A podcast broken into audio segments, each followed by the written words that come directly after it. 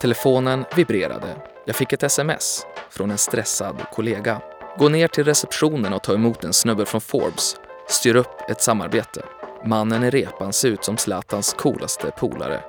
Och han pratar skånska. Han kommer inte från Forbes. Det tar bara några sekunder att förstå. Och några sekunder senare, ja då är jag kär. För det är vad Siavosh Derakti gör med dig. Hans kärlek, passion och övertygelse om att mångfald och integration är vägen till ett bättre samhälle, det har tagit honom hela vägen från Malmö till Vita huset. När Barack Obama besökte Sverige var det just Siavosh som han ville träffa. Och idag så är det er tur. Sia, han är grundare av organisationen UMAF, Unga mot antisemitism och främlingsfientlighet. Han är en av Sveriges främsta föreläsare. Han har sommarpratet. Han är en svensk hjälte. Han har ett nätverk utom denna värld.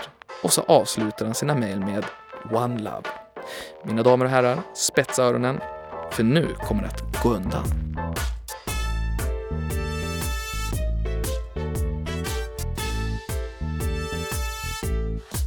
Sia, du är här, äntligen! Ja, faktiskt. Bättre sent än aldrig. Vi har liksom pratat om att du och jag skulle göra en podd Ja, länge. Länge.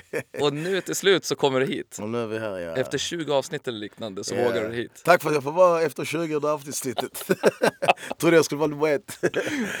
Jag tänkte vi släpper in eh, lyssnarna så de får lära känna dig lite grann. Med de här liksom standardfrågorna som vi också ställer till människor som vi faktiskt tar in på anställningsintervju. Mm. Så brukar vi ställa de här frågorna. Och nu, nu, eh, nu kör vi helt enkelt. Nu skulle jag vilja att du beskriver dig själv med ett ord. Det var tufft. Ja, det är tufft, för du är många ord, så är var det ju. Exakt. Jag började tänka, okej vilket ord ska man nu lyfta fram liksom? Vad är ett? Men eh, jag hade nog sagt en doer. En doer ja. En doer. Mm. Ibland kanske det handlar lite för snabbt än tänka, tänka till. Men jag får också saker gjorda. Eh, det vet du själv, liksom. jag har så många bollar och jag ska vara överallt. Har blivit bättre faktiskt på att tacka nej och inte ödsla min tid, min dyrbara tid. Men fortfarande så är jag en doer och där hade jag nog placerat mig direkt första ordet, en doer. För att jag ser till att saker händer. Och eh, jag är inte rädd för att misslyckas. Liksom. Misslyckas har jag gjort, misslyckas kommer jag göra, fortfarande ung och dum. Och då är det viktigt att eh, lära sig. Liksom, på, för att, tänk själv, om man är felfri i livet. Mm. Ja, jättefint, men vad fan lär du dig då liksom? Och då är det viktigt att göra fel och jag älskar att vara doer för då är det mycket utmaningar. Ibland som jag sa, då kanske du handlar för snabbt för att tänka om och då blir det lite uppförsbacke. Men det tror jag också är någonting bra man lär sig. Så en doer hade jag sagt. Jag fick en liten chock när jag skulle kolla nu, eh, researcha dig inför det här. Och sen så såg jag att du var fortfarande 28 år. Eller? Wow! är det sant? ja, ibland känner man sig, ska jag säga det, som en 45-50 Ja, liksom. ja. Man har hunnit. Men det är sant, jag är 28 år Det är helt faktiskt. sjukt. Ja, det är 28. Man har åstadkommit mycket för fan. Vad 28? Om du går med på att alla föddes med ett syfte, Mm. eh, vad är då ditt kall i livet? Alltså mitt kall i livet, om alla föddes med ett syfte, det är att våga ge. Att inte spela någon man inte är och leka någon man inte är. Utan att våga vara sig själv. Men faktiskt också att våga ge. Att man ska le man leva faktiskt utanför boxen. Man ska inte leva i en liten box eller en liten iglo liksom som bara allt är för mig och detta är endast jag. Utan våga dela med dig. Och våga ge. Och vad jag menar ge det är faktiskt när du ger så får du också tillbaka. Jag tror mycket på karma.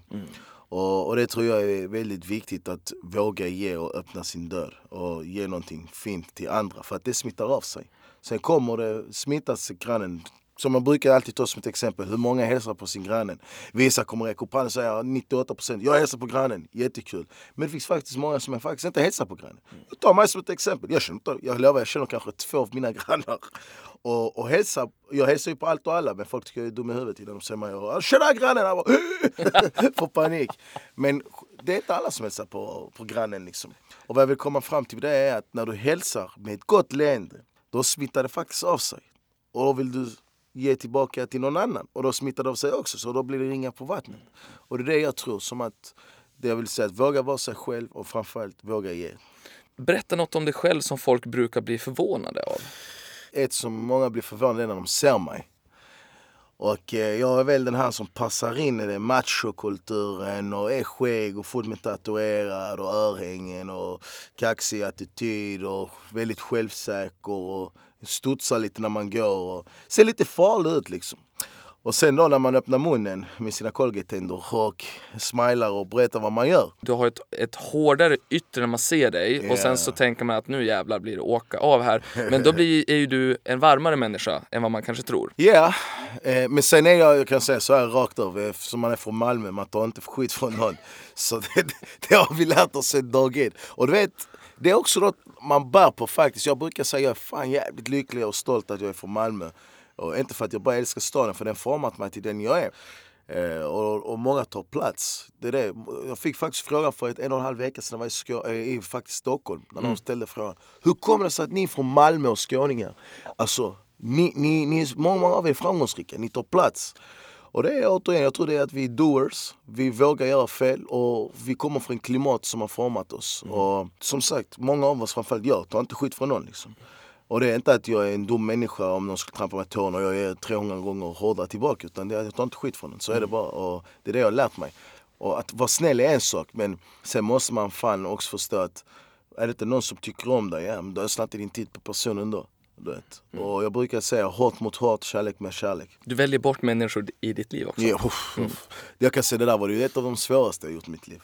Att välja bort. Tänk dig ändå vara uppväxta med vissa personer, hänga med vissa personer och helt plötsligt en natt så ska du bara välja bort dem. De till och med väljer bort dig.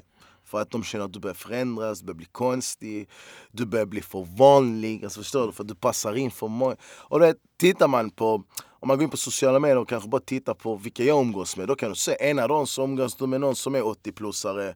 Eh, någon annan som är 25-plussare. Så ser du att någon är från en näringslivstopp, eh, någon annan sitter i regeringen. Alltså, eller någon är från eh, from the street, förstår du? Så det, det, handlar om hur du kan, det handlar om hur man passar in. Jag kollade in dina sociala medier här innan. Eh, jag kollade, vi Du har hade- snokat bra du inför. Ja, ja, ja. Vi, 13 gemensamma vänner hade vi.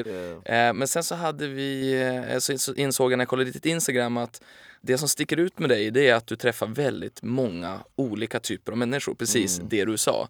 Eh, men den mest läkade bilden jag hittade det var ifrån i maj. Och det var så långt jag gick tillbaka i alla fall. I maj från eh, när du då eh, skulle fasta eh, och du sitter framför ett bord med, med mat där. Och det var över 200 likes i alla fall. Ja.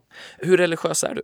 Jag kan nog säga inte mycket genom att jag är väldigt praktiserande på det sättet. Men jag tror på min religion, jag är stolt över min religion och jag respekterar alla religioner. Eh, men jag, alltså religiöst, det beror på hur man definierar det.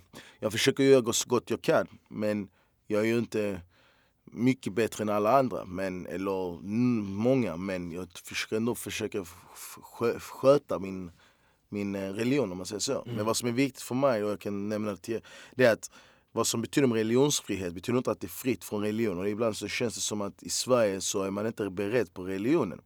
Eh, man kan inte respektera folk som utövar sin religion. Men sen har vi andra sidan, där det finns människor som utövar sin religion som lite fanatiker, förstår man rätt?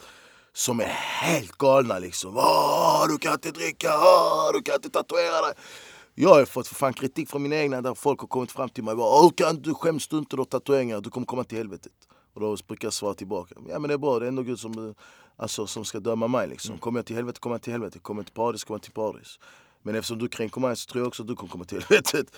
Alltså det är mycket sånt här som man som lever. Men vad som är viktigt är att jag brukar säga, ta inte ut din religion med ditt privata liv och privata liv med religion. Alltså, håll det för dig själv och håll det hemma. Liksom. Jag är väldigt så här tydlig med sånt. Sen är det klart, är du religiös och du vill be på jobbet får du göra det. Liksom. Du bestämmer själv. Men jag, jag har mitt liksom. Och jag tror mycket det är för att vad mina föräldrar har lärt mig. Mina, min pappa är också religiös. Men han, han bestämmer liksom vad som vad, vad han känner är korrekt och vad inte är korrekt. Och när han känner sig som en bra och inte bra.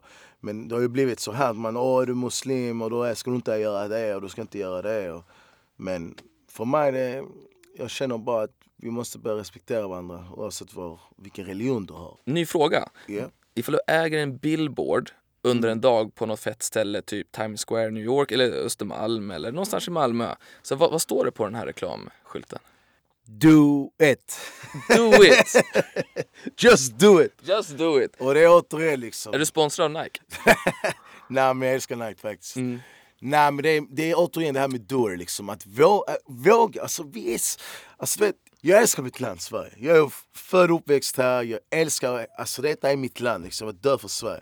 Men ibland blir jag så jävla förbannad på många i Sverige. Och det är, för vi vågar inte göra fel. Alltså det är, allt ska vara felfritt och det ska vara PK, politiskt korrekt. Och man får inte säga si, man får inte säga så. Man får inte... Du vet, även om man inte nu ska titta på andra länder. Och vi älskar ju att titta på ett land som heter USA och Kanada framförallt. Men om vi tar USA och Kanada som ett exempel. Där lär de sig direkt från dag ett att du ska göra fel.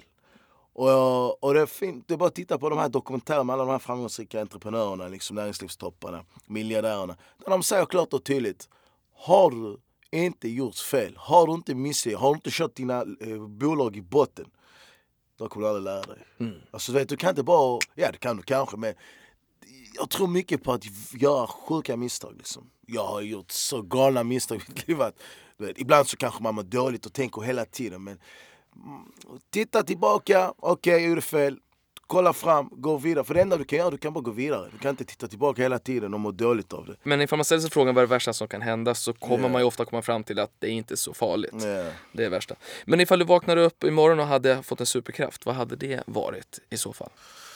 Uff, den var jävligt tuff den frågan. Superkraft, vad jag hade gjort? Eh, blivit nästan som Greta Thunberg. Hon har väl superkrafter. Nej men vad jag hade gjort faktiskt, eh, först och främst, jag hade försökt göra så att på ett eller annat sätt att många hade försökt må bra.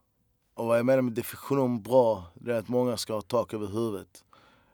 För vad jag blev mest förbannad över, det var pensionärer. För jag känner att pensionärerna i Sverige, om vi snackar om Sverige och det lokala, så eh, jag brukar säga att det är Sveriges bortglömda folk. Att man glömmer dem totalt liksom. Och, och här pratar jag av egna erfarenheter, för jag känner många pensionärer. Min pappa är faktiskt fattigpensionär. Och, och jag blir förbannad varje gång jag ser liksom att det finns människor som glider på räkmacka medan det finns de som har varit här i 30 år och kämpat och gjort allt för detta landet liksom. Men får blir tydligen inte uppskattade. Eh, det finns vissa ålderdomshem som är katastrofala. Eh, får, som man läser i varje gång. Liksom, man, till och med jag vet Expressen har varit väldigt bra på det och lyft upp det här med vad de får för alltså de får en typ Ja, alltså... Maten vad de får? Liksom. Ja, mm, nudlar mm, hade varit fan varit bättre liksom. Mm. Och, och då blir man förbannad. Alltså är det detta tacksamheten vi ger? Och jag känner ju fantastiska pensionärer liksom som, som jag hade samtal för, för två och ett halv vecka sedan. Där till och med fick veta att äldreboende har svårt att ta emot för det finns inga platser. Alltså det är kösystem och du vet, det, och, och hemtjänst. All ära, men vissa hemtjänster funkar inte heller. Liksom. Eh, vissa till och med blir rånade, de, de är äldre. Liksom. Mm. Man går hem till dem och rånar dem och slår ner dem. Och, och, och, och, med min superkraft, vad jag försöker göra, det är att jag försöker ta hand om de äldre. Det finns också en grupp, om man nu får ta in, som det är faktiskt lärarna som jag vill också lyfta upp. För de är så jävla viktiga i vårt samhälle. Lärarna är nyckeln till mycket av vår framgång. Och tyvärr är det återigen är det också ett bortglömt folk som hamnar i en fack. Man inte höjer deras löner, statusen är för låg, lärarna sjukskriver sig. Det kommer in och ut nya lärare hela tiden som man byter sina kalsonger. Liksom. Så det, det måste göras mycket, både för lärargruppen och då för våra äldre. Så mm. För min superkraft så har jag försökt ändra den biten. Jag tror också att man kan se... Och det är inte för att det ska låta fint utan det är på riktigt. Nej men det är på riktigt, det, men så är det ju med alla dina saker. Det, det, det är ju... Eh, det är svårt att se att du skulle kunna hitta på alla dina åsikter därför att du brinner för dem så starkt. Yeah. Det är faktiskt svårt att se. Men jag, jag, tror också man kan se en egoistisk vinning i att ge mer tid till, eh, att spendera mer tid med äldre människor. För att är det någonstans som man kan få någon sorts kompass till hur jag ska leva mitt liv, det är att egentligen gå till ett äldreboende och så tittar man hur, hur människor, de som mår bra, de ångrar ingenting. Medan det finns den här ångern som ligger där. Och, och, och speciellt om inför dödsbädden, mm. är det något du ångrar liksom, så mm. börjar, börjar de berätta. Mm. Och de jag faktiskt lyssnar mycket på, alltså utöver även man lyssnar på många äldre och sina föräldrar, så det är faktiskt överlevare som har levt förintelsen, Just upplevt. Det. Och jag känner många av dessa, jag jobbar jättenära med många av dessa. Och, och två av dessa, framförallt från Malmö, är vi jättenära. Och nu, hur vi jobbar till exempel, bara för att vända på det, för att visa hur viktigt detta är. Det är att en av dessa, jag kommer inte nämna namn, men en av dessa eh, är på ett äldreboende om det kallas så. Och, eh, men ger inte upp! Och nu kommer det fascinerande, kolla mm. förvisningar. Senast var det två veckor sedan, eller förra veckan vi var där. Tar emot oss i ett äldreboende Förstår du? För personen anser detta är så viktigt. Trots att personen kanske inte orkar egentligen, behöver inte göra det, har gjort sitt liksom. Mm. Och kanske kan bara chilla i ett äldreboende. Men känner att detta är så viktigt med sin privata tid i ett äldreboende. Eh, kanske inte mår 100% men gör det ändå. Ta emot ungdomar från Malmö. Olika åldrar, olika bakgrunder. Och återigen mötes, att de får träffa en överlevare för första gången. Och då berättar sin historia med den lilla energi som är kvar. Och påverkar dem så mycket. Och det är återigen, då tänker man, de är nu många av dessa 90 plus liksom. Vad tänker de? Och en gång kanske jag ställde en jävla dum fråga till en av överlevarna som, eh, som idag lever i Sverige. Då ställde jag faktiskt en dum fråga. Där jag ställde, Men hur kommer det sig att många av er orkar leva? För att många av dessa blir 90 plus liksom. Det är helt galet och fantastiskt. För att man hör ju de här historierna, vissa dricker vin och vissa dricker whisky och vissa äter choklad. Nu senast var igår var någon som sa att jag dricker champagne och jag är över. 100 år gammal. Mm, Liksom. det. Är alltid alltså, saker som man inte är beredd på. Lite onyttigheter och då helt plötsligt lever jag. Äter pizza varje dag, jag lever 100 år liksom.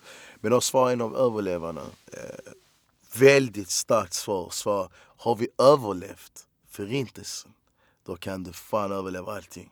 Och det är den som var en håll käften-smäll på mig liksom. Jag bara shit! Fy fan, det var, alltså, det, var det, det var det starkaste svaret du kunde få liksom. Jag var inte beredd på den liksom. Och, då, och då förstår jag nu, okej, det är nog därför att en av de starka anledningarna varför många av dessa överlevare blir 90 plus på grund av att, eller väldigt äldre, för att de orkar, har de överlevt förintelsen kan de slåss mot allt. Och de tar, ork, de tar inte skit från någon liksom. Och då är det viktigt att senast förra veckan var ungdomar då får träffa överlevare för första gången. I ett ålderdomshem, ta emot dem, prata med dem. Och det är så underbart och det är så fantastiskt att, att de verkligen orkar. Och, det är det, och då tänkte jag på det du nämnde, liksom, att man förlorar inget. Gå till ett ålderdomshem, liksom, ett äldreboende, lyssna, prata med de äldre, lyssna på deras historier. Är det något de ångrar? För du är fortfarande ung. När de påverkar dig kan du ändra direkt ditt beteende, du kan ändra dina tankar, visioner, du kan göra någonting. Nu lever ju någon, speciellt de du pratar om, de som är alltså de här född på 90-talet eller 00-talet. De, de har ju liksom eh, Nu lever de med iPhones och Ja, smartphones. det är ju deras första liv Yeah. och det här andra är second life. Det har Yeah. liksom skiftat och menar, Yeah. de få kontakter man man har nu som är fysiska blir ju unika på ett annat sätt. Så deras upplevelse med den här personen som blir ju ännu starkare än, än vad den var tidigare. Och, det, här kommer ju snart vara de sista chanserna att få träffa de Och, och du är inne på något viktigt här, för vad vi ser också, det psykisk ohälsa blir allt fler. Folk hamnar i depression. Varför? Förstår man? För att de låser in sig i sina rum, barn, ungdomar. De sitter och surfar, de kan hitta allt på internet. De sitter och spelar, de använder sina smartphones, de, de vilar aldrig hjärnan. Jag ska inte säga att jag är mycket bättre.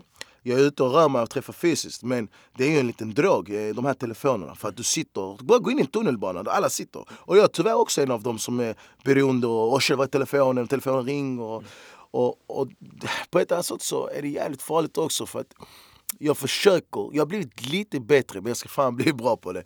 Att stänga av. Och, och de, de unga idag, tydligen så kan ju de ha igång fyra sådana här saker parallellt medan vi kan knappt två. Exakt. Vi kan typ lyssna på radio medan vi kör bil. Nej, men vi är så? Ja, dåliga. En ny fråga då. Om du fick välja vem som helst i hela världen, död som levande, Ja. vem skulle du vilja äta middag med? Uff, jag har så många jag vet äta middag med. När du säger... Men du har ju då också ätit middag med några, men Ja. det finns några kvar kanske. Jag har ätit många eh, middagar med många inspirerade personer. Jag, jag vill bara, du vill jag bara rada upp tio pers direkt. Men eh, om jag ska välja en specifikt, utöver Zlatan hade jag velat äta middag med såklart. Men så är det faktiskt Trump eller Putin. Mm, okej. För det första, varför jag vill sitta just med någon av dem, det är för att ett, jag tror på samtal. Två, jag tror, tror på diplomati. Och jag tror på att jag vill, jag vill, jag vill veta vad försiggår i deras hjärnor, hur tänker de? För de är två stora ledare, världsledare, två mäktigaste personer i världen. Om inte, om inte någonsin liksom. Och det vi ser, det vi hör, det är det vi ser och det vi hör liksom. Sociala medier, media, whatever liksom. Och jag vill veta, är det verkligen på, alltså, är de verkligen så här? Eller är det bara framför kameran? För ibland undrar man, alltså det kan inte stämma. Kan han säga så utåt? Eller, alltså du vet, jag vet inte till exempel om du såg det här med IS-snubben här, ledaren som blev dödad. Om man jämför när Obama gick ut och talade för, jag har sett det? Mm, det med, klippet. med, med Bin Laden och han här, alltså det var ju... Och då, då bara tänker jag, Alltså är han på riktigt eller flippar han med... Alltså, ibland undrar jag, jag tror han är smartare än vad han, alltså, han visar mot folket. Jag tror han bara... För att det är ju fortfarande PR det han gör. För när han säger det, han sätter igång något. När han sätter igång något, helt ärligt. Finns det någon mer omtalad än Trump idag? Väldigt tveksamt. Jag har aldrig sett en person vara omtalad varje dag konstant. Och aldrig något positivt, det var ju bara åt andra hållet. Och varför vi sitter och pratar, alltså jag vill veta, är detta Trump på riktigt? Eller skojar han med det? Hela, alltså, hur, alltså, hur mm. tänker han? Och det är inte att åh, ska du sitta och äta middag med någon som är bara bra eller fint eller delar du hans åsikt? Hur kan, hur, för det finns ju de här som blir förbannade. Hur kan du skaka han eller hennes hand? Och hur kan du dricka kaffe med den? Det betyder inte att jag delar åsikt med dem. Det betyder inte att vi är på samma bana. Men jag vill lyssna hur de tycker, hur de tänker. Hur, hur, alltså, ibland lite fascinerad. Är det på riktigt alltså? Det, alltså är det verkligen på riktigt det han säger liksom? Men Trump, det släpptes, en, det släpptes en bok ganska nyligen som eh, okay, det vet jag inte. två amerikanska journalister som har då kommit fram till att... Det är inte den Inside, uh, inside House eller något sånt? Det är inte den? Nej, det är inte den. Det är inte den. Um, utan den här handlar om att, eller här har de kommit fram till att han har egentligen or orkestrerat sin uh, presidentskap i 15 år. Han har velat bli president i så länge. Eh, så att under den här tiden har han sakta men säkert liksom flyttat fram positionerna. Fram till, till, men eh, så att eh, mycket talar väl för att han är eh, smartare än vad man, vad man tror. Ja, är det det de lyfter fram eller? Ja, att, det är en, en, en del där i yeah. som man inte har hört tidigare. Uh, sen, men sen så tyckte jag det var lite sorgligt när, man, när han är på en eh, amerikansk, uh, alltså på sån baseballmatch här, här nyligen. Och folk börjar liksom hålla på och uh, säga hans namn yeah. och då blir han glad. Men sen ser han att det är negativt, det de håller på och ropar. och så ser man hur liksom hans ansiktsuttryck går från lite glatt till lite ledsen och sen så går han därifrån. Och det är första gången jag riktigt sett att, att han liksom bryr sig på något sätt. Man ser ju sällan det. Men, men, alltså, men buar de på riktigt eller? Ja, de, de buade ju. På, alltså hela stadion började liksom bua åt Trump på en baseballmatch i USA. Då har det gått ganska långt. Ja. Okej, sista frågan. På de snabba, som inte är så snabba frågor idag. Vad är du besatt av just nu? Alltså det, det är inte, jag har inte bara alltså det finns ju vissa saker, jag vet fan om det är besatt, men som man lite, man tänker lite extra på. Jag tror värmen. Värmen? Jag ska inte säga hata för det är ett starkt ord men jag tycker inte om när det är kallt. Nej. Det gör att ibland jag blir lite stressig, att jag vill bara bort härifrån. Mm. Eh, faktiskt, jag ska vara ärlig, ibland alltså, att man blir fan deppig alltså. Mm. Det är lite depression, minidepression. Och eh, visst, jag tycker att julen är fint, vi firar också jul trots vi är muslimer. Liksom. Jag tycker julen är jättevackert och snö. Och jag har åkt skidor en eller två gånger i mitt liv liksom. och jag älskar det. Jag älskar att åka skidor trots att jag är värdelös. Mm. trots att jag, jag, tjum, tjum, jag inte åker zigzag liksom och kan inte ens bromsa. Men tycker det är jättespännande för att jag utmanar mig själv. Jag älskar utmaningar. Men! Jag, jag hade, av allt, jag hade bara lagt fram sol, värme och det är lite besatt av, att man kan bli lite smådeppig. Mm. Lite depression liksom. Mm. Eh, när det är mörkt och slaskigt. Och jag bara sitter och tänker shit nu är det kallt, oh, nu, kommer so nu kommer snön, oh, nu ska det bli mörkt och nu ska det bli mörkt redan vid fyra tiden. Och så mår man lite dåligt av det. Nyckeln mot, mot det där brukar ju vara att duscha kallt. Problemet jag trodde du skulle säga solarium. jag billig solarium bara, uff ljuset är här. Det är väldigt roligt med solarium. De har faktiskt liksom byggt ett nytt eh, solarium, eller öppnat ett nytt solarium där jag bor. Och jag tänkte så här, 2019? Really? För, jag ska inte ljuga, för jag hängde på solarium. Ja, men jag har också gått på det liksom yeah. för 10-15 år sedan. Då hängde man på solarium. Ja. Um, jo, du Sia, det här är ju alltså en podd där vi träffar människor som eh, vi beundrar på olika sätt och vis och är liksom nyfikna på. Eh, och jag beundrar ju dig eh, för att Jag beundrar du... dig också. Gör du det? Yeah. Gud så fint. Det är första gången någon, någon har sagt det tillbaks. Det, det, återigen, det här visar på någonting som jag kommer att komma till. Det, det är dels för att du lyckades vända upp och ner på ditt liv åt rätt håll, så att säga. Mm. Från uträknad bråkstake till mentor, föreläsare, hjälte och idol för många faktiskt. När jag tänker på empati så tänker jag på dig du sprider glädje och lyser upp rummet med din energi.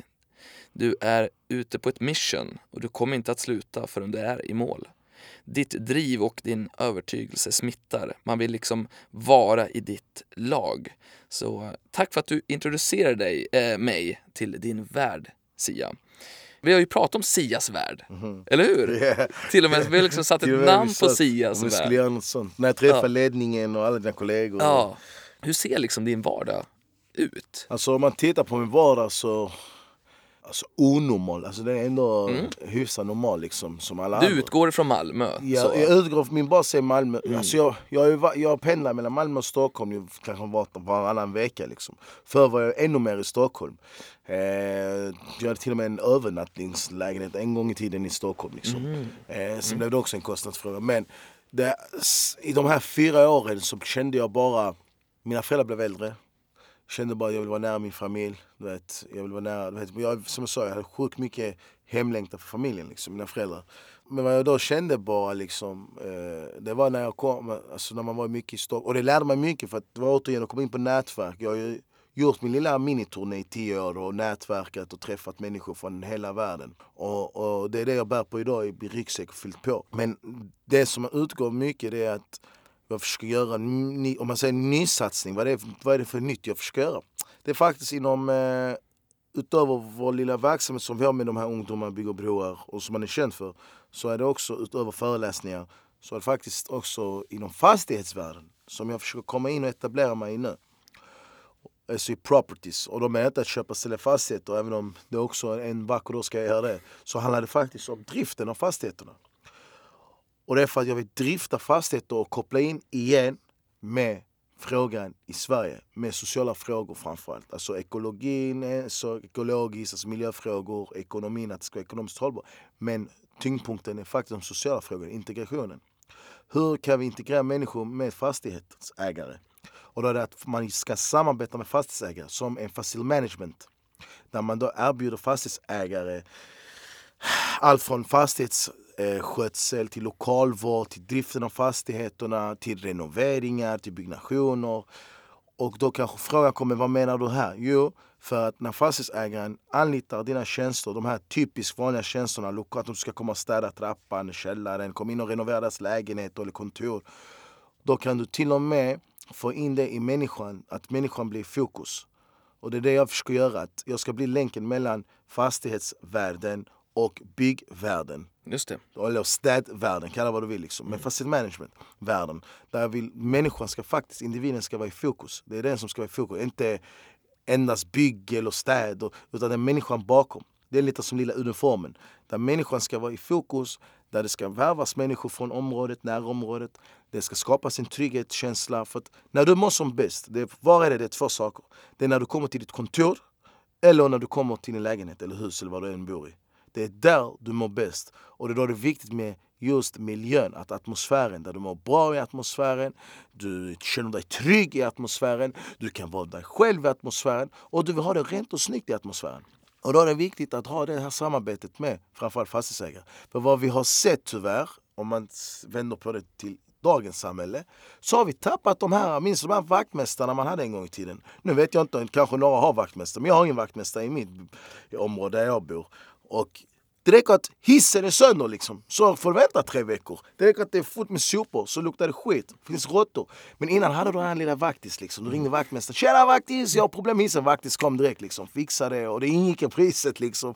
Och nu ska de komma och kolla på ditt spis så ska du pröjsa 1500-2000 för det kommer in en extern. Och det är den lilla tryggheten vi har tappat och det är det jag vill skapa igen. Lilla vaktis-trygghet.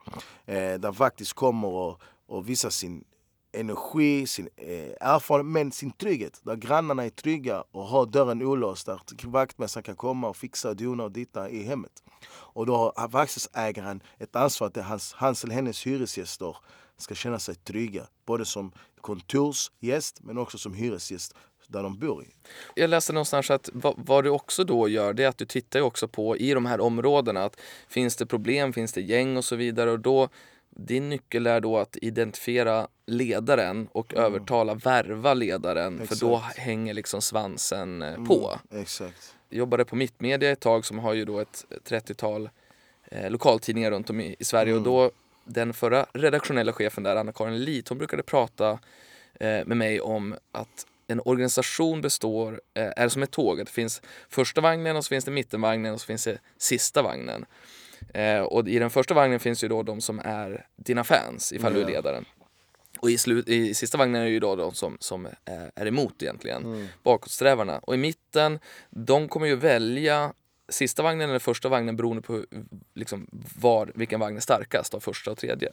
Så här gäller det liksom, och, och vi hade mycket diskussioner så här, vad ska man fokusera på? I ditt fall så handlar det om att egentligen fokusera på första vagnen och, för där finns ledaren och då får du med dig eh, resten. Det är lite mm. så jag tolkar, mm. eh, tolkar den. Eh, och det, jag tycker det där hjälper ganska mycket när man tänker på att bygga organisationer för man tänker på det, eh, på det sättet. För ofta kan man lä lägga väldigt mycket tid på sista vagnen yeah. för att man ska försöka få till dem. Men det brukar ofta kunna vara kört mm. ifall du inte får med eh, första. Du ser, jag kommer att tänka på första gången du och jag träffades, då fick jag ett mail eh, att gå ner till Bonnier News reception, det är en snubbe från eh, Forbes där. Eh, så jag kommer ner och där kommer du och eh, du pratar ju engelska säkert bra, men det är inte det du pratar med mig. Utan Nej. jag blir väldigt förvånad. Vänta nu. Så att det här är alltså... Är du den här killen från Forbes som jag ska träffa, träffa och försöka få till något samarbete med? Men det visar ju sig att jag skulle träffa dig därför att du har ju då blivit utsedd till en utav de här 30, under 30 det är ju då alltså Forbes ska säga, legendariska lista liksom, ja. över, över ja, men globala lista yeah. över 30 personer. Och eh, då var du med på den här och, och, det gick ju snabbt att det sa, sa liksom, eh, klick eh, där mellan oss. Men vad, vad, berätta om den här 30 under 30. Vad, vad, vad händer när man kommer med på, på en sån lista? Det beror på hur man tar vara på det. Jag, ja, det är det jag, jag tänker alltså, mig. Många undrar, är det någon bakom där som gör allt det? Jag, bara, jag har ingen PR-byrå, jag har ingen, jag, alltså, allt detta gör jag själv faktiskt. Mm. Och har alltid gjort och kommer alltid göra liksom. Eh, sen visst så kanske man har en eller två som lite äldre personer som man kan bolla med lite då och då. Men, inga, men det är fortfarande du själv som bygger ditt lilla varumärke, som jag alltid gjort. Trots att man fått erbjudanden från andra håll. Och, och har faktiskt funderat, ska man ha en liten PR-byrå runt om sig? Men mm. eh, just nu är det i alla fall bra som det har varit. Men hur det betyder att komma med en sån lista och trots att jag varit med om, jag har bombat det alla listor liksom som du kan tänka dig. Både nationellt och internationellt och vunnit alla utmärkelser. Och, Men folk måste förstå, innan jag berättar just vad det handlar om, så måste folk förstå att det inte bara är glitter och glamour. Det är blod, svett, tårar och fan ta mig pris på huvudet. Och vad jag menar pris på huvudet är för att man offrar sitt egna liv. Det jag gör det är inget lek. Liksom. Jag jobbar nog med världens tuffaste frågor, hade jag nog sagt. All ära med klimat, all ära med allt det du vill prata om. Men när du kommer och pratar om vissa folkgrupper som ska ställas, inte mot varandra, utan med varandra och för varandra. Det är då det blir motsättningar. Och det har gjort att jag har blivit dödshotad ett antal gånger. Jag har gått med personskydd ett antal gånger. Jag har haft, alltså de är livvakter, för till, för säga det med fina ord liksom. Du pratade om det i Kvällsposten 2015. Yeah, yeah. Och jag tackar faktiskt Expressen Kvällsposten som verkligen tog tag i det och ville lyfta upp det. Och jag var väl lite så, ska man verkligen göra det? Nu visar jag mig svag och att jag är rädd och du vet det här. Men eh, Alltså jag är inte rädd att, åh vad ska hända med mig, kommer de döda mig? Jag var rädd mer för min familj. Vad händer om någon besöker mina föräldrar? Hur reagerar jag då? Liksom? Då kanske jag hade flippat ut helt. Eh, men det är fortfarande så börjar jag känna, men folk uppskattar inte. Alltså det vad det jag började tänka. Än idag tänker jag så. Folk uppskattar inte det. De glömmer snabbt allt jag har gjort, allt jag försökt sträva för. Man glömmer det över en natt. Och ibland känner jag så för att folk inte uppskattar det jag gör faktiskt. Och då har jag alltid sagt till mig själv, ja, men då kanske man, de ska få dig, de ska sakna dig. För sen kommer de fatta vad, vad värdet är. Och ibland är det lite så man måste göra. För att Sverige är lite jantelag, eller mycket jantelag. Man vågar inte tar plats återigen. Eh, vissa människor vågar inte gå om vissa människor på grund av att de blir kallade det ena och det andra. Folk är så avundsjuka här att det inte är sant. Man pratar illa om, man gör massa förtal om människor, man hittar på, sprider rykten. Och man försöker göra på allt, allt, ett eller annat sätt, på alla möjliga sätt för att krossa dig. Och detta har jag levt med i över tio år. Så tänkte jag, jag har mått liksom. Jag har inte mått glitter och glamour, jag har mått piss. Kanske inte något man ska säga i radio eller podden men jag har gått på över, vad är det nu? Över 50 timmars samtal liksom, terapi för att eh, mådde riktigt piss. Alltså, du vet, och, kände, är det värt det detta jag gör? Fan ta allt och alla liksom. Fuck detta, jag ska inte fortsätta. Kopplat till, du berättade det här med Forbes-grejen. Det gick snabbt för mig. Du vet, jag måste vara ärlig också. Du vet, var 18-19 år liksom boom! Strålkastarna direkt liksom. Och det gick så vet, det var roligt att stå på scen och glitter och glamour och vinna priser. För att jag har aldrig fått uppleva sånt. Jag kommer för fan från en bakgrund där allt var kaos. Alltså, förstår du? Jag fick aldrig uppleva någon klappa mig på bra jobbat. Jag fick alltid höra du är kaos, du är katastrof, det kommer inte bli ett skit och du är körd och hitan och ditan. Senast igår berättade min egen familj, shit, Sievers, tänkte för ett antal år sedan när det var ung och dum fortfarande ung och dum, men när du var yngre, då var det, då var det kaos. Alltså det var kaos. Ingen visste vad som skulle hända med dig. Men kolla idag. då har du tagit steget. Och det är fan inte gratis det jag har gjort. Och jag har sagt, min utbildning får inte på universitetet, min utbildning har jag fått på gatan. Och det är det som är, det jag nämnde det här med mm. Malmö, att vi har lite street i oss liksom. Vi har format oss till den vi är. Och det är fan blod, svett, tårar liksom. Man har mått piss liksom. Man är hemma, man gråter, man är dålig, man kan inte visa sig svag, man får inte visa känslor, man måste visa sig tuff. Och kolla på mig, jag kanske ser lite tuff ut. Eh, och visar faktiskt inte så mycket känslor eh, utåt liksom. För jag har också en integritet, jag vill inte dela min privatliv till många. Och det är svårt. Vad som var svårt med mig när jag menar att det gick för snabbt, jag visste inte vad är privat och vad är, vad är offentlighet och vad fan är du vet, när fan kan jag vara mig själv? När kan jag gå ut på krogen och ta en öl? Och, eh, när kan man få sina snedtändningar på fyllan? Och, för man är, man är mänsklig. Det är det jag sa till er, men ingen är fan tar mig felfri liksom. Och, och så fort börjar åh men vadå, kan du gå ut och dricka? Så kan du inte göra det. Men vad fan menar du? Vadå? Kan inte jag heller gå ut och ta en grogg eller gå och skrika på stan? Och, jag vill också fortsätta vara utflippad ibland liksom. Men då kände jag, vad är privat och inte privat? Det kunde ringa mitt i natten och folk vill ha råd och, och tips. För det är det som många är, de inspireras ju. De vill ha råd, de vill ha tips. Då ringer de fem på morgonen, hey, ge mig tips, ge mig råd. Och, och jag besvarade alla och folk drog igen och kom och gör här och kom och gör där. Och, och då tappade jag mig själv faktiskt. Mm. Eh, och mådde skitkass psykiskt. Och, och förstår man precis vad, när, vad det, det här med psykisk ohälsa har blivit väldigt viktigt för mig. För att jag var en av dem som det liksom. Och, kanske inte väldigt stark rad eh, än tack och lov. Men jag var, det var bara en tidsfråga innan jag gick in i väggen. Det var en tidsfråga att jag kanske hade skadat mig själv.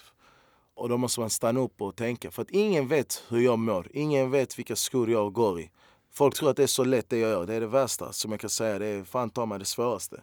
Och återigen som du sa, ibland undrar kan man göra flera saker samtidigt? Och jag har börjat bli bättre på att tacka nej och, och, och jobba med mig själv än mm. idag. Gå på samtal och försöka må bättre. Mm. Eh, men det är som du sa, det, är, det här med just vad det betyder och de här utmärkelserna. Som jag sa, det är, det är pris på huvudet, man har blivit dödshotad, man blir trakasserad, folk sprider förtal, folk försöker förstöra dig som människa och då har jag känt, är det värt det? Och jag faktiskt, senaste två åren har jag, jag trappar inte ner, jag kör på, men jag har tagit lite tillbaka när det kommer till det mediala. Jag har fått massa inbjudningar att komma och ställa upp på intervjuer, vara med i Opinion Live och allt vad det innebär. Men jag känner ett, först och främst med all respekt, jag hinner inte. Men även om jag hinner så försöker jag lägga tid på något annat. För att så fort jag är med i en debatt om, när, om någonting som är hett, då drabbar det mig igen. Och det är då det slår på. Det är ju inte så att folk ringer och hotar mig varje dag. Liksom. Det är när det är någonting hett, när någonting händer och jag är där och pratar. Det är då folk får bli jävligt förbannade på mig. Så jag, då är jag inte tyst, men jag fortsätter fast på ett kanske ett annat sätt och kommer att göra det. Men vad det betyder för mig, så har det betytt att man blir bekräftad, man blir sedd, man blir respekterad, någonting som jag inte blir för. Och du hamnar i en lista, du måste förstå, med så många människor. Jag tror det är 200 från varje kontinent. Nu, vad kan det bli då? Kan vi snacka om 800 pers Ja, just det. Mm. det är något sånt. Mm. Och då tillhör du topp 30 under 30 med 800 deltagare i hela världen, i varje kontinent. Så du har 200 från Europa, 200 från Afrika, 200 från Asien. Tänk dig tillsammans då, ni, ni har en lista. Och då ingår du i den här listan. Då, blir du, då tillhör du en av de mest inflytelserika under 30 globalt i världen då, från din kontinent. Som är med och konkurrerar med de andra fantastiska entreprenörer. Både de som har tjock plånbok och de som har gjort något eh, utöver det vanliga. Liksom. Har, har ni en stängd eh, Facebook-sida? Eh, vi har en stängd Facebook-sida, mm. vi har en stängd WhatsApp-grupp. Mm. så du har ju lite förmån. Mm. Sen måste du förstå, alla är inte ens aktiva. Liksom. Någon hamnar i listan, de, alltså, de har inte ens... Är du ah, aktiv? Eh, jag har varit aktiv men jag prioriterar andra saker. Liksom. Men vad jag utnyttjar mest med min nätverk när det gäller 30-lista eller nu var jag med och startade upp eh, med några andra fantastiska eldsjälar i Malmö något som heter Global Shapers som är en del av ett initiativ av World Economic Forum mm. som är också för unga 30-ledare under 30. Och då har vi varit med och startat upp en Malmöhub i Malmö en liten hop för Malmö. Där vi kanske, vem vet, kanske vi kan göra någonting mer i framtiden. Som ett initiativ World Economic Forum, men som ett självständigt, drivs självständigt som en hub i Malmö som jag tillsammans med några andra startat upp i våras. Och nu är vi igång och nu ser vi hur kan vi påverka samhället och göra någonting med projekt. Och det är också någonting vackert, för då har du kontaktnätverk, återigen en stängd sluten grupp med alla andra shapers, unga ledare i världen Eh, där många av dessa faktiskt är framgångsrika, jävligt framgångsrika. För att man måste, vara, man måste ha gjort någonting stort liksom, för att komma med. För kraven och kriterierna är jävligt höga och stora. Och, och det öppnar upp dörrar för många för att inspirera och motivera dem att också försöka göra någonting stort. Så, jag, så svar på din fråga, jag försöker nätverka med så många människor i världen och ta vara. Så ja, jag, har, jag, har, jag utnyttjar det absolut. Men jag försöker också lägga tid på massa annat som är viktigt eh, i min vardagliga liv på annat sätt. Skickar du någonsin eh, så här, oväntade mess? Eller, alltså, Yes. sånt, det är sånt du håller på med? Det är sånt. Du menar Mm. typ bara reach out till folk? Exakt. Yes, och, Ja. det, och det tackar också Forbes och tackar Global Shaper och massa annat. Som, för du blir bekräftad. Folk, när du skickar ut som en sån random liksom. Folk bara, vem fan är du? Och sen när de klickar på dig. Oftast kanske många tror att det här är skoj för att de anser att det är för stora meriter för att någon ska reach ut till mig. Men oftast man reach ut alltid till människor. Jag reach ut till allt och alla men sen kanske man reach ut till människor som, förstår man rätt nu, inget illa menat, men folk som är på en samma nivå eller kanske högre än till och med. Och, då, för att, och det jag tycker det är så sorgligt att, eh, inte att man reach ut till någon som är på den nivån, en likadan nivå, men jag tycker det är sorgligt att folk, när de svarar, jag svarar alla. Där, sen kan jag säga att jag hinner inte svara alla, det är nästa sak. Jag försöker svara alla men jag svarar inte alla. Men sen finns det de som inte svarar, som absolut respekt, som inte har, som har tid och energi. Men sen finns det de som inte svarar, de bara Jag som är typ till exempel VD för detta bolag, varför ska jag svara en som är en student? Alltså förstår du, en sjuk tanke. Och tyvärr så finns det många Sverige är bra på det faktiskt. Vi, I Sverige ska vi, och det kanske är AB jantelag göra. Men sen finns det länder där de, alltså, de kollar bara ner på det. Nej, men vad fan. Och vad jag vill komma fram till, jag har tur! För att när jag skriver ut och reach out till folk, alltså namnet direkt, boom! Och de ser vem du är, vad du har gjort och när du sa 28 år, du redan upp den där, då tänker oh, då kan jag svara dig. Oh, jag kan lägga min tid på det för jag kan få ut någonting av dig också. Just det. Så det ger och ta. Och jag vill faktiskt lyfta upp en grej som är jävligt grymt och det är fan ta mig LinkedIn.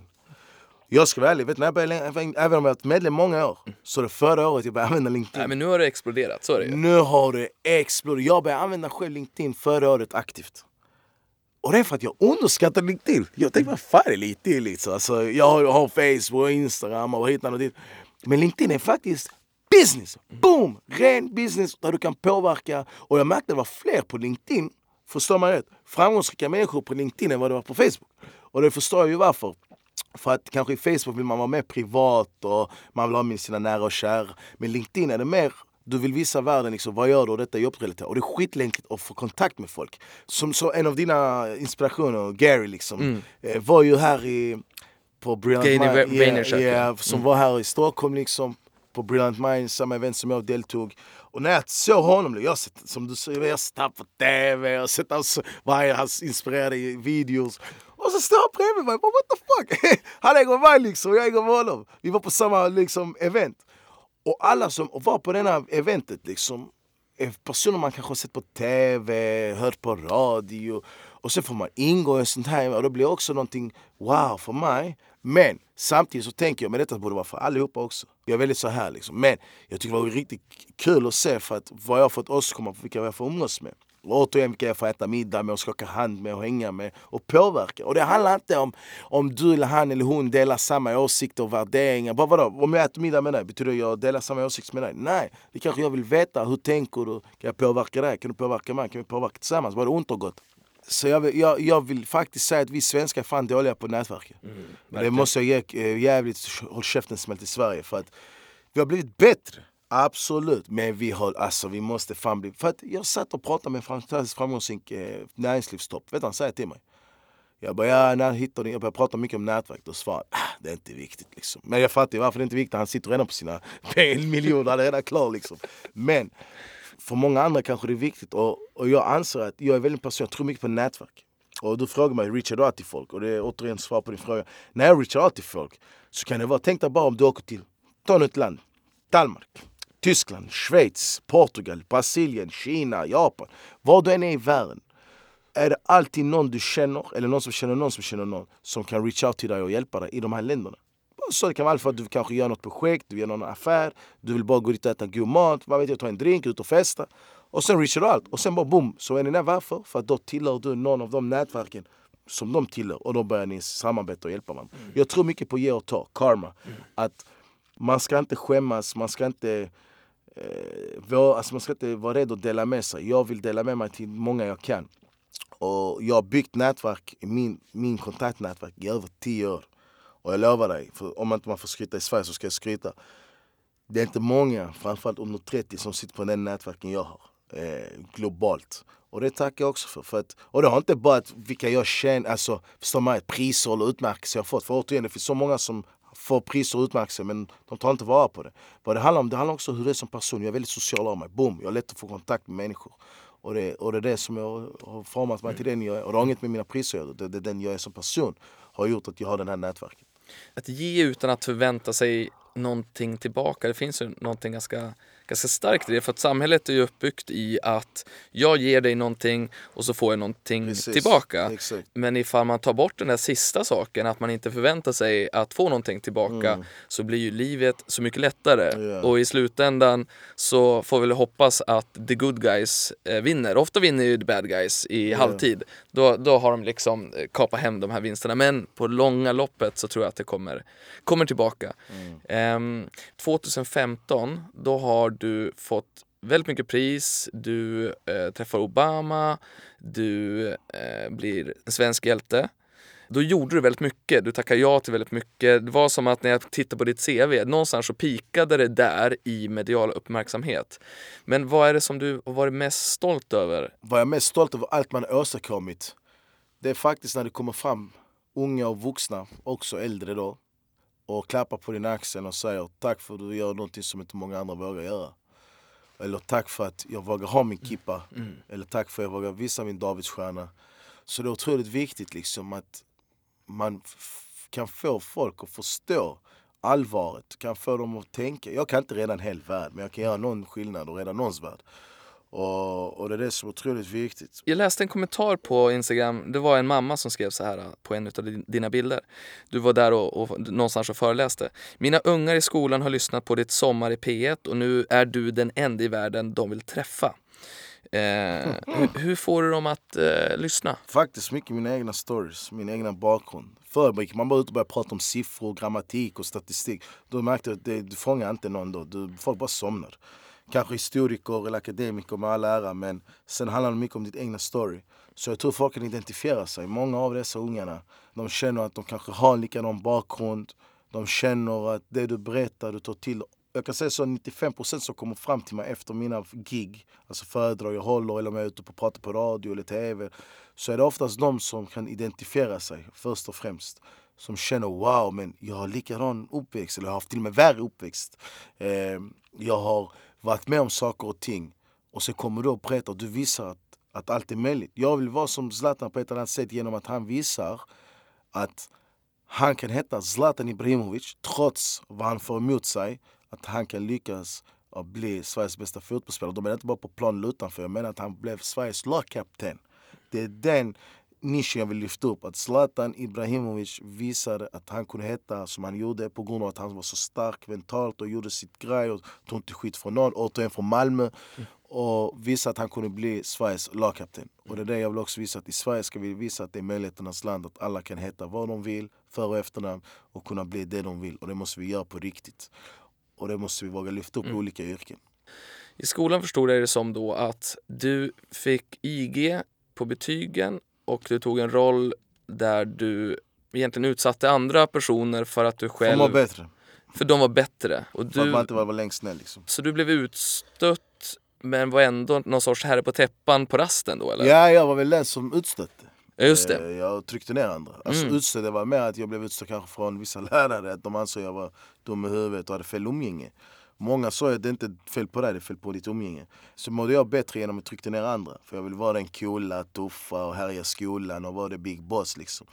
Och var rolig att springa med i gäng och jag trodde man var tuff och, och gjorde allt skit liksom. Jag ser ju framför mig, för när man tittar tillbaks på dina äldsta bilder på Facebook, då är ju du, eh, du är knivskarp i ansiktet. Du är svinsnygg ju. Mm. Det är ju liksom en vältränad fotmodell fast som också är med och spelar fotbollslaget. Han var ju du liksom. Han var jag. Man var rätt populär på ett sätt. Eh, både från alla håll. Men Sen var man också den som försökte som sagt trycka ner. Det var mer i, hö, alltså, mer i mellan högstadiet, det var så. Ah, okay. mm. Gymnasiet första året kanske var man var fortfarande utflippad men sen mm. så... Vad hände sen? Först och främst, jag hade bra föräldrar. mycket uppfostran. Det ska du ha klart för dig. Mina föräldrar var jävligt stränga. Men samtidigt var jag störde dem jävligt mycket. För jag, man lyssnade inte så mycket oavsett. Men de var jävligt tuffa och jävligt stränga. Men sen var det också att jag hade någonting som jag trodde på. Jag skulle bli Zlatan i fotboll.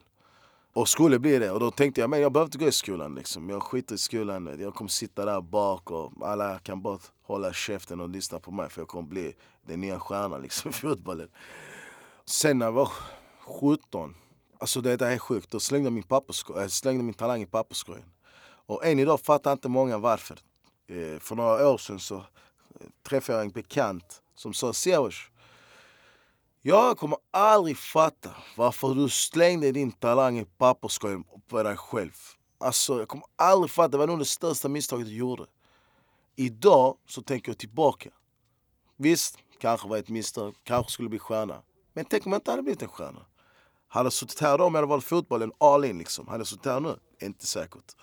Så, det, så jag kanske blev Zlatan på en annan position. Jag blev inte Zlatan i fotbollen, men på en annan position. Och, och som jag faktiskt är väldigt glad och stolt över. Eh, visst, kanske blir fotbollsproffs, men kanske inte.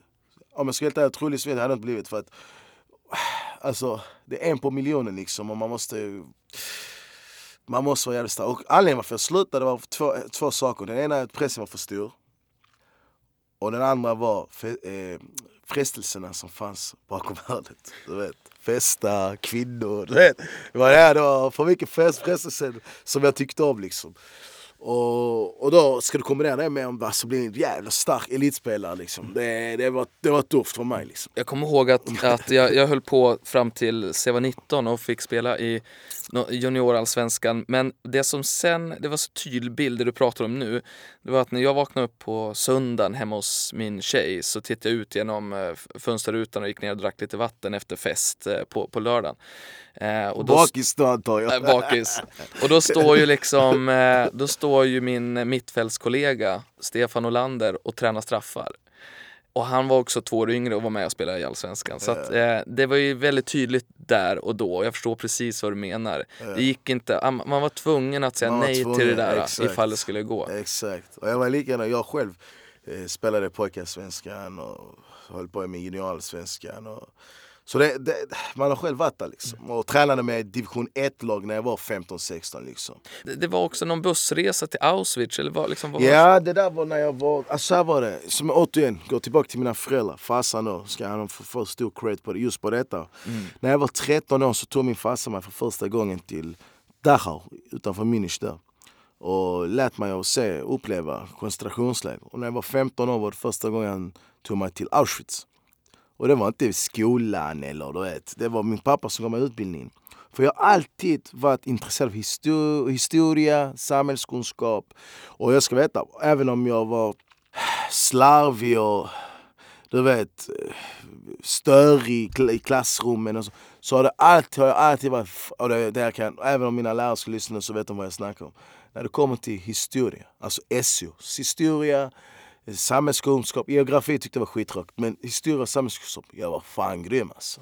Och, det, och jag behövde inte läsa böcker, jag var allmänbildad. För jag tyckte om att läsa själv på fritiden. Alltså jag brann för det. Och, återigen, och det är för att mina föräldrar är själv politiska aktiva. Det ligger i blodet, det ligger i DNA liksom. Kommer min pappa in i ett rum, det är när han snackar i politik. Historia, politik, that's it. Inget mm. annat. Och han brinner verkligen för det. Och, och det gör att han har lärt mig. Men sen har jag haft äran och turen, lite tur faktiskt, att jag fick äran att växa upp med en jude. Det är inte många. Det, det där kanske låter sjukt konstigt nu vad jag säger. Men det är sant, i mm. Malmö. Men det var din polare då? Eller? Ja, det var min mm. bästa vän. Mm. Vi umgicks, vi var bröder. Alltså. Från annan mother liksom. Så, han lärde mig ju hur judar har det, judisk kultur. Han åt inte fläsk. Åt inte, alltså, vi var bara omskurna och vi började mäta våra penisar. Nej men du förstår. Mm. vi hade så mycket gemensamt Johan. Och jag hade mer med honom än vad jag hade med någon annan. Liksom. Och sen så, så växer man upp i en klimat med vänner då. Alltså, ja, vad skäms än idag. Men där man matar ut antisemitism. Jag själv hade sjuka antisemitiska åsikter när jag var ung. Och det var inte första maj för jag kom från min familj. Nej, min familj var bra. De lärde mig rätt och etikett. Det var mitt umgänge mm. som tryckte i mig. Att det, de, är, alltså de är det ena, de är det andra. Och jag trodde på sånt här allt från jag var kanske nio år, tio år. Och de var ett litet barn tills jag blev ja, på gymnasiet liksom. Man började förändras. Även om jag hade en bästa vän, förstår man rätt? Det var min bästa vän, jag dog för honom. Och jag har ju tur, hade jag inte växt upp med honom så hade jag aldrig fått lära mig det. Och sett den sidan redan som ung bevittna. Tyvärr är klimatet ännu hårdare idag. Då kanske det, man bara hotar någon. Åh, oh, du är si. Och idag kan man till och med använda våld. Till och med döda någon om det krävs.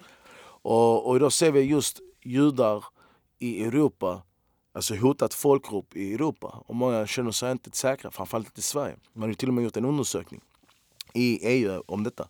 Och, men då ser vi återigen likheter att vi måste tillsammans göra någonting för detta. Och, och jag blev så ledsen och förbannad när man ser att ett folk som har levt i över 500 år i Sverige, som assimilerat folk, har gjort så jättemycket för Sverige, känner sig otrygga i Sverige. Och då är det vår plikt och vårt ansvar att tillsammans stå upp och göra någonting skillnad för detta samhället. Mm. Och det var därför mina föräldrar då bestämde sig att ta mig till Dachau Auschwitz för första gången. Och när jag var 19 år, eller på gymnasiet, 29 då kom, väcktes idéerna.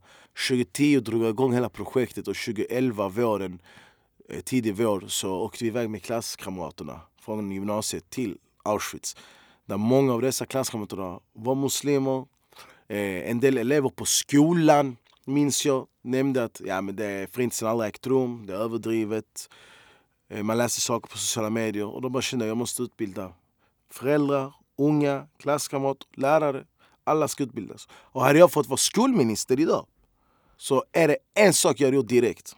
Utöver att höja lönerna och statusen hos lärarna. Det är att införa obligatoriska resor, utbildningsresor till koncentrationsläger runt om i världen årskurs 8 och 9 ska ha ett obligatoriskt, både för att lyssna på överlevare, man bjuder in dem, men också då ut och se det med sina egna ögon.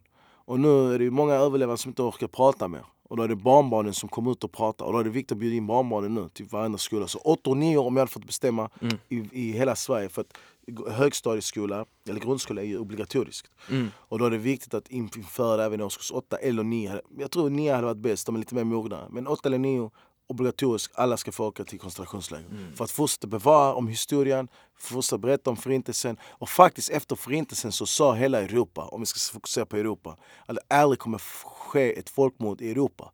Men vad hände för 23 år sedan ifrån Jugoslavien, i Srebrenica? Du och jag är uppvuxna i helt andra eh, städer här. Vi har alltså Malmö kontra för mig Timrå uppe liksom mm. i, i Norrland utanför Sundsvall. För mig att det hatet mot judar, det fanns ju inte där. Nej. För judarna fanns ju inte där uppe. Så vi, när man växer upp där, då får man ta del av det på andra olika sätt. Kanske du hörde om Tim, eh, Umeå? Har du läst om det? Nej, nej. De la ju ner en förening där på grund av att de hade problem med nynazister. Mm. Eh, jag ska inte säga deras namn, vilka det var, men det var i alla fall mm. nynazister då som hotade och trakasserade den mm. judiska föreningen i Umeå som stängde ner till slut av rädsla. Jag lyssnade på en podd nyligen där eh, med Sam Harris podd som hade intervjuat Barry Weiss heter hon. Hon, har, hon jobbar på New York Times och hon har skrivit en bok som heter How to fight antisemitism. Och det som var, för mig blev nytt i den boken, alltså det hon berättade ifrån den, det var just den här skillnaden på de högerextremas syn på judarna, vänsterextremas exakt. syn på judarna, också muslimernas. Exakt, exakt, För man, man tänker, exakt. vid mitt huvud har det liksom varit samma. Yeah, samma, exakt. Och, och, det, och, det, och, det, och det är det jag försöker mm. När man alltså ställer frågan, hur känner du när du jobbar? Och så skojar jag, alltså, här, man ska inte skoja om sånt här, men då, då säger jag, helt ärligt, ibland känner man mig som en jude. För att jag är omringad från alla håll och kanter. Mm. Från vänstern, från högern, från islamister. Alltså vet, från alla håll och, och kanter, både upp och ner och bak och fram.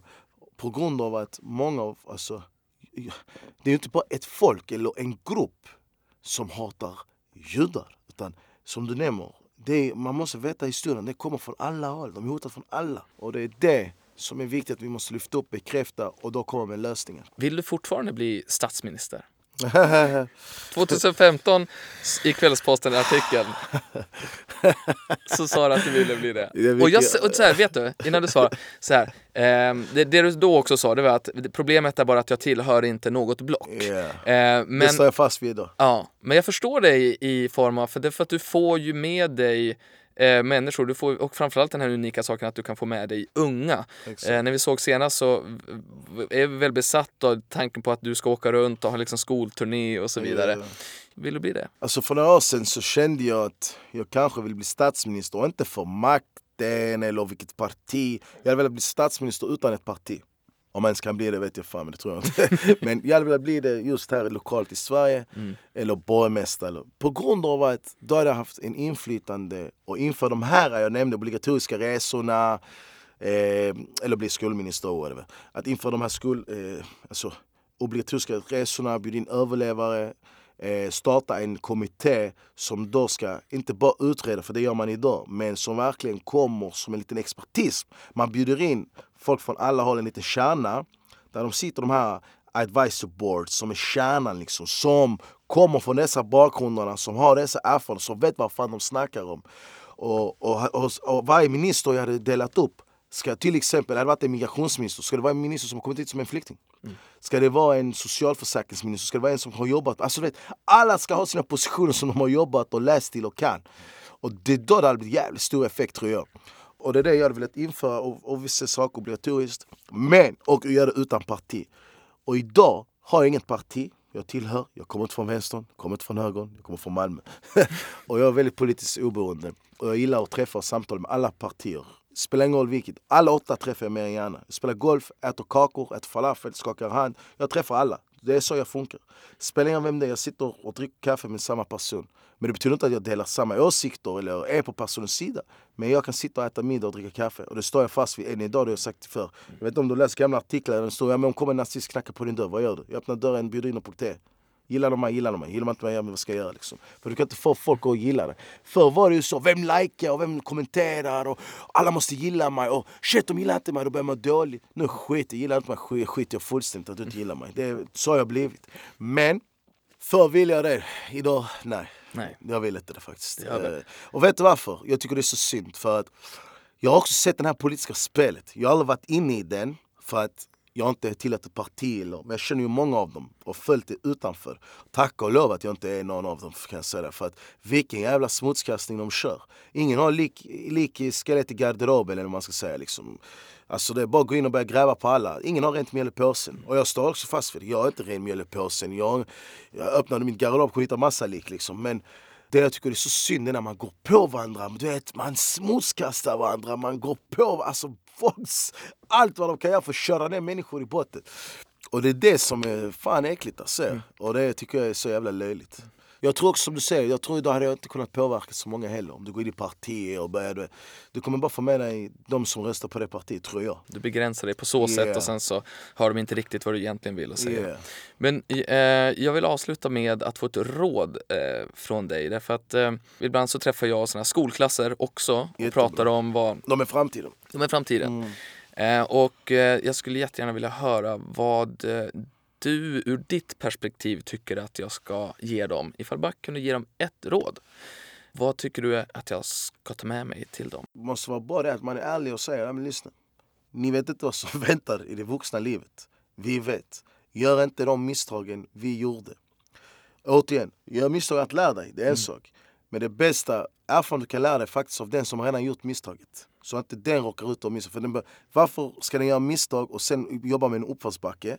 När du kan berätta om dina misstag, de lyssnar till och då undviker de att göra det misstag. För du har redan lärt dem. Så de har redan fått sin erfarenhet. De får lä- lära sig nya misstag helt Yeah. enkelt. Så jag tror rådet är att de får lära sig av dina misstag. Mm. Det tror jag är det bästa rådet.